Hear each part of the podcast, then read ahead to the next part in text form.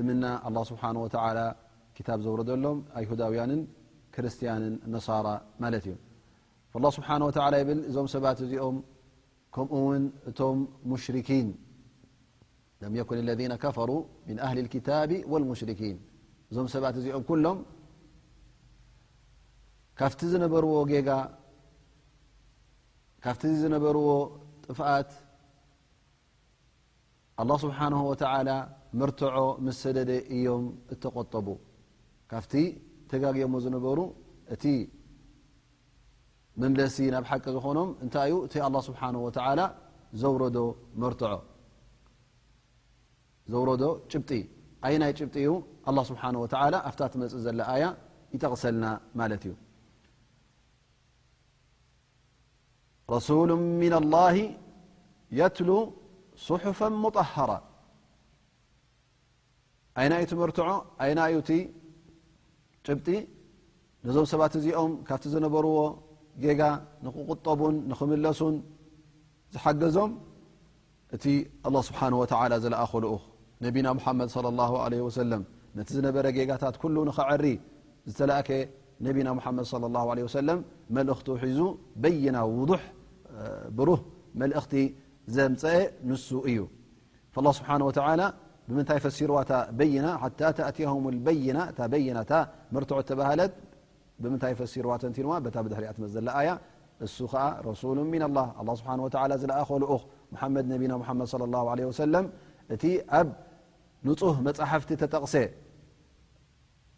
ንፁህ መፅሓፍ ሒዙ ዝመፀ ረሱሉ ሚና ላ የትሉ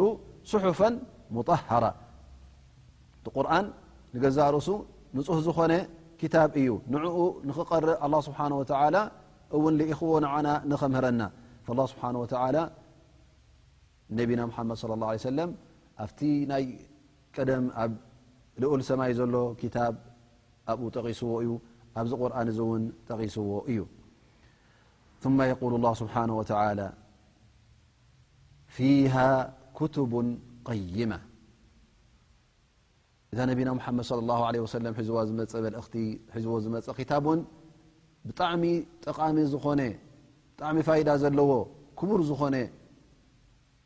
ቃላት ትእዛዛት ሒዙ ዝመፀ እዩ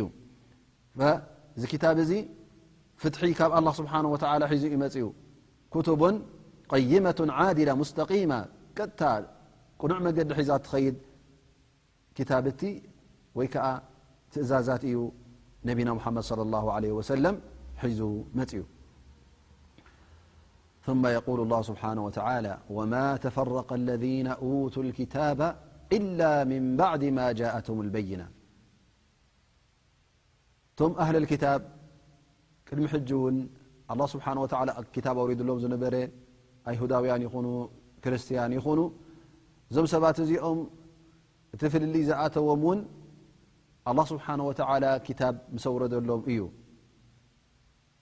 እቲ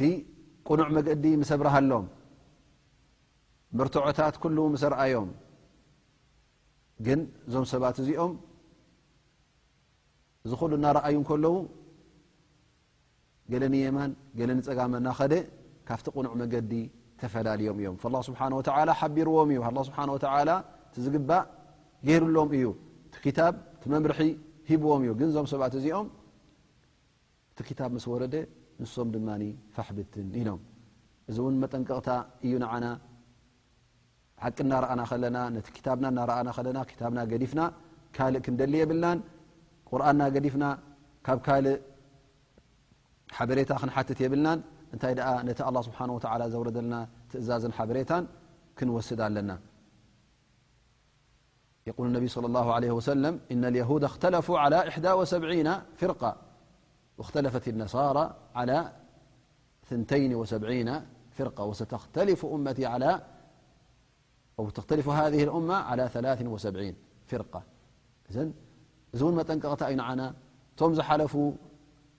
ኣይሁዳውያን ናብ ሰብዓን ሓደን ተመቓቒሎም፣ ሰብዓን ሓደን ክፍሊ፣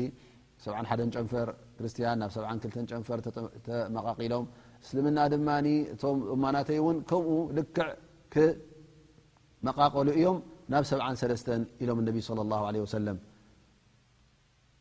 ኩለን እዘን ሰብዓን ክልተን ድማ ጌጋ ክኾና እየን። እታ ሓንቲ ጥራይ እያ መገዲ ቅንዕና ሒዛ ትኸይድ። እሳ ኸኣ ከምቲ ነቢ ስ ሰለም ዝጠቐስዎ ማ ኣና ዓለይህ ወኣስሓቢ ኢሎምና ልክዕ እዛ ኣነ ሒዘዮ ዘለኹን እዞም ብፆተይ ሒዞሞ እዞም ሰዓብተይ ሒዞሞ ዘለዉ ሕጂ ትርእዎ ዘለኹም ኣብቲ ግዜይ ኣብዚ ዘለኹዎ ግዜ እሱ እቲ ቅኑዕ መገዲ ኢሎም ሓቢሮምና እዮም ስለዚ እቲ ፍልልይ ንኸይርከብ ካብቶም ቀዳሞት እተረኽበ ፍልልያት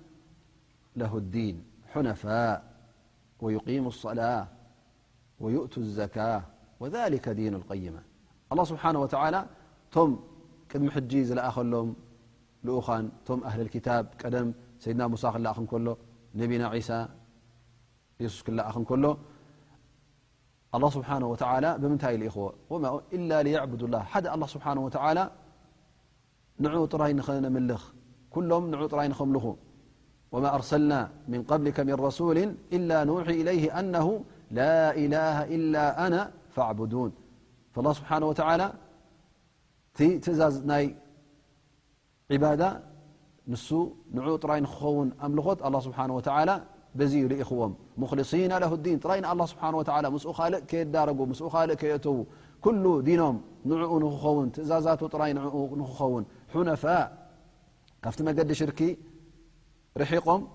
ካብ መገዲ ምድራግ ንኣላህ ስብሓን ወተዓላ ተጠምዚዞም ናበይ ንኽኸዱ ናብ ተውሒድ ንኽኸዱ እዩ እቲ ትእዛዝ ነይሩ ኣብ ርእሲኡ ድማ ሰላቶም ከቑሙ ወዩቂሙ ሰላ ከም ትተኣዘዝዎ ወዩእቱ ዘካ ዘካት ንኽኸፍሉ ኒላህ ስብሓን ወተዓላ ኢሎም ወሊከ ዲኑ ልቀይማ እዙ ድማ እቲ ቕኑዕ ፍትሐኛ ዝኾነ ዲን መገዲ ሓቂ ምክንያቱ እዚኤን እተ ሒዝካ ኩሎም ወላ ቶም ቀደም ዝነበሩ እማታት ነዚኤን ሒዞም እዮም ዝኸዱ ነሮም እዚኤን እየን ተንቀንድታት ነረን ቀዳማይ ነገር ጉዳይ ተውሒድ ኣላ ስብሓን ወተላ ሓደ ጎይታ ከም ምኳኑ ሓደ ኣላ ስብሓ ወተላ ከም ምኳኑ ኩሉ ኣምልኾት እውን ፍፁም ንዕኡ ጥራይ ክወሃብ ከም ዘለዎ ክብሩ እናሓለኻ ንኣላ ስብሓን ወተላ መሰሉ ክትሕልወሉን ኣብ ርእሲኡ ድማ እቲ ዝኣዘዘካ ትእዛዛት ቀዳምነት ሰላት ጸሎት ንኣላ ስብሓ ወላ ክትሰግድ ንኣ ስብሓ ወላ ዱዓ ጌርካ ናብኡ ንክትቀርብ ዘካት ንክትከፍል ድኻን መስኪንን ርኢኻ ሞባእ ኮይኑ ካልእ ዓይነት ኮይኑ ንዘካት ንክትከፍል ኣላ ስብሓ ወላ ዝኣዘዞ እዩ ወዩቂሙ ሰላተ ወዩእቱ ዘካ ወሊከ ዲን ልቀይማ እዚ እቲ ቀንዲታት ናይ ዲን ኣላ ስብሓ ወላ ዝለኣኾ ኣብቶም ዝሓለፉ ይኹን ንሕና እውን ኣብዚ ዲን እስልምናና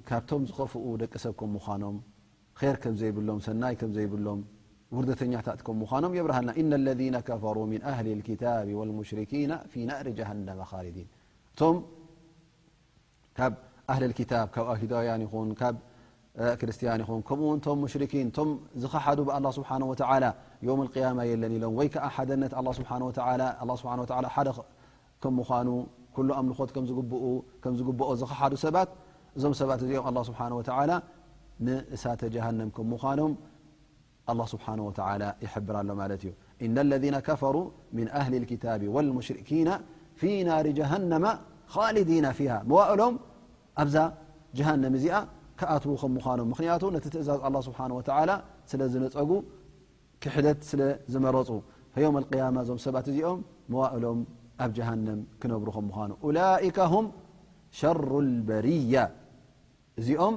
እቶም ዝኸፍኡ ፍጡራት እዮም ካብ ኩሉ ፍጡር ዝኸፍአ ወላ ውን ካብ እንስሳ ዝኸፍአ ክኸውን ማለት እዩ ምክንያቱ ኣላ ስብሓን ወተላ ዓቕልን ኣእምሮን ልብን ሂብዎ እንከሎ ነቲ ልቡን ነቲ ዓቕሉን ነቲ እእምሮኡን ከይተጠቐመ መገዲ ሓቂ ከይመረፀ ኣብ መገዲ ጥፍኣት መሪፁ ዝኸይድ ዝነበረ እዚ ካብ እንስሳ እውን ዝያዳ ውርደተኛ ይኸውን ማለት እዩ ስብሓ ላይካ ም ሸሩ በርያ ካብ ኩሉ ፍጡር ዝበእሱን ዝኸፍኡን ዝተረገሙን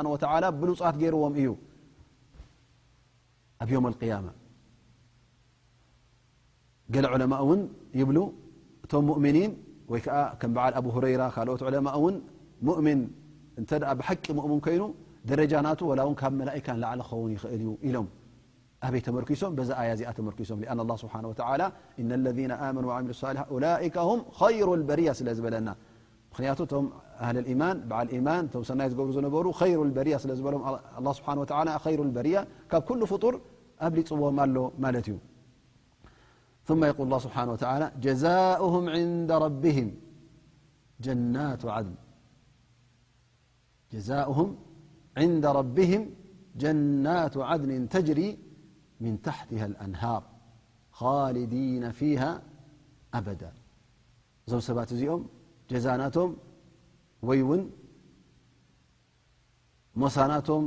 ዓስቢ ናቶም እንታይ እዩ ምስ ጎይታ ኣላ ስብሓን ወተላ ኣብ ዮም ኣልቅያማ ይፅበዮም ኣሎ እንታይ ይፅበዮም ዘሎ ጀናት በቢ ዓይነቱ ገነታት ሓደ ጀና ኣይኮነን እንታይ ደኣ በቢ ዓይነቱ ብዙሕ ጀናታት እዩ ዝፅበዮም ዘሎ ጀዛእም ዕንደ ረቢህም ጀናቱ ዓድኒ ተጅሪ ምን ታሕት ኣንሃር ትሕቲኣ ትሕቲ ዝገዛ ገረባቱን ብትሕቲ ክፍልታቱን በቢ ዓይነቱ ወሓዚ ዘሎ በቢ ዓይነቱ ናይ ማይ ናይ ፀባ ናይ መዓር በቢ ዓይነቱ ወሓዚ ዘለዎ እዚ ኣላ ስብሓን ወተላ ክፈድዮም እዩ እዚ ዩ ዓስቦም ኻሊዲና ፊሃ ንመዋእሎም ክነብሩ እዮም ንግዜያዊ ይኮነን እንታይ ደኣ መዋእል ንብረት ኣብዚ ቦታ እዚ ኣብዚ ጀና እዚ ክነብሩ እዮም ኣበዳ ዘይቋርፅ ማለት እዩ ረድያ ላሁ ዓንሁም ኣላ ስብሓን ወተዓላ ፈትዩሎም ኣላ ስብሓን ወተዓላ ረድዩሎም እቲ ዝዓበየ ደስታን ፍስሃን ኣብ ዮም ኣልቅያማ ድማ እንታይ እዩ ኣላ ስብሓን ወተዓላ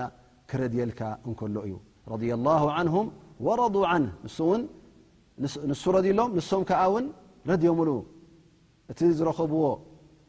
ሽሻይን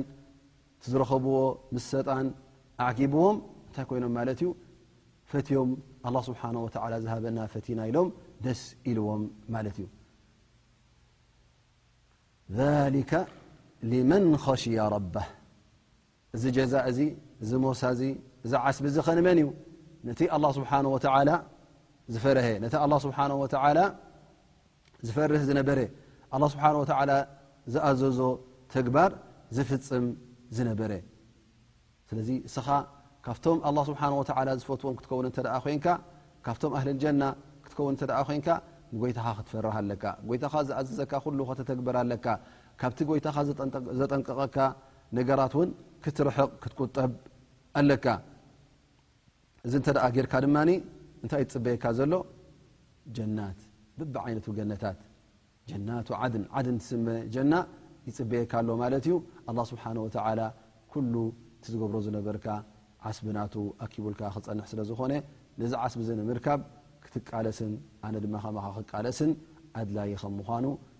ኣላ ስብሓን ወተላ እነሀ በዛ ሱራ እዚኣ ኣዘኻኪሩና ማለት እዩ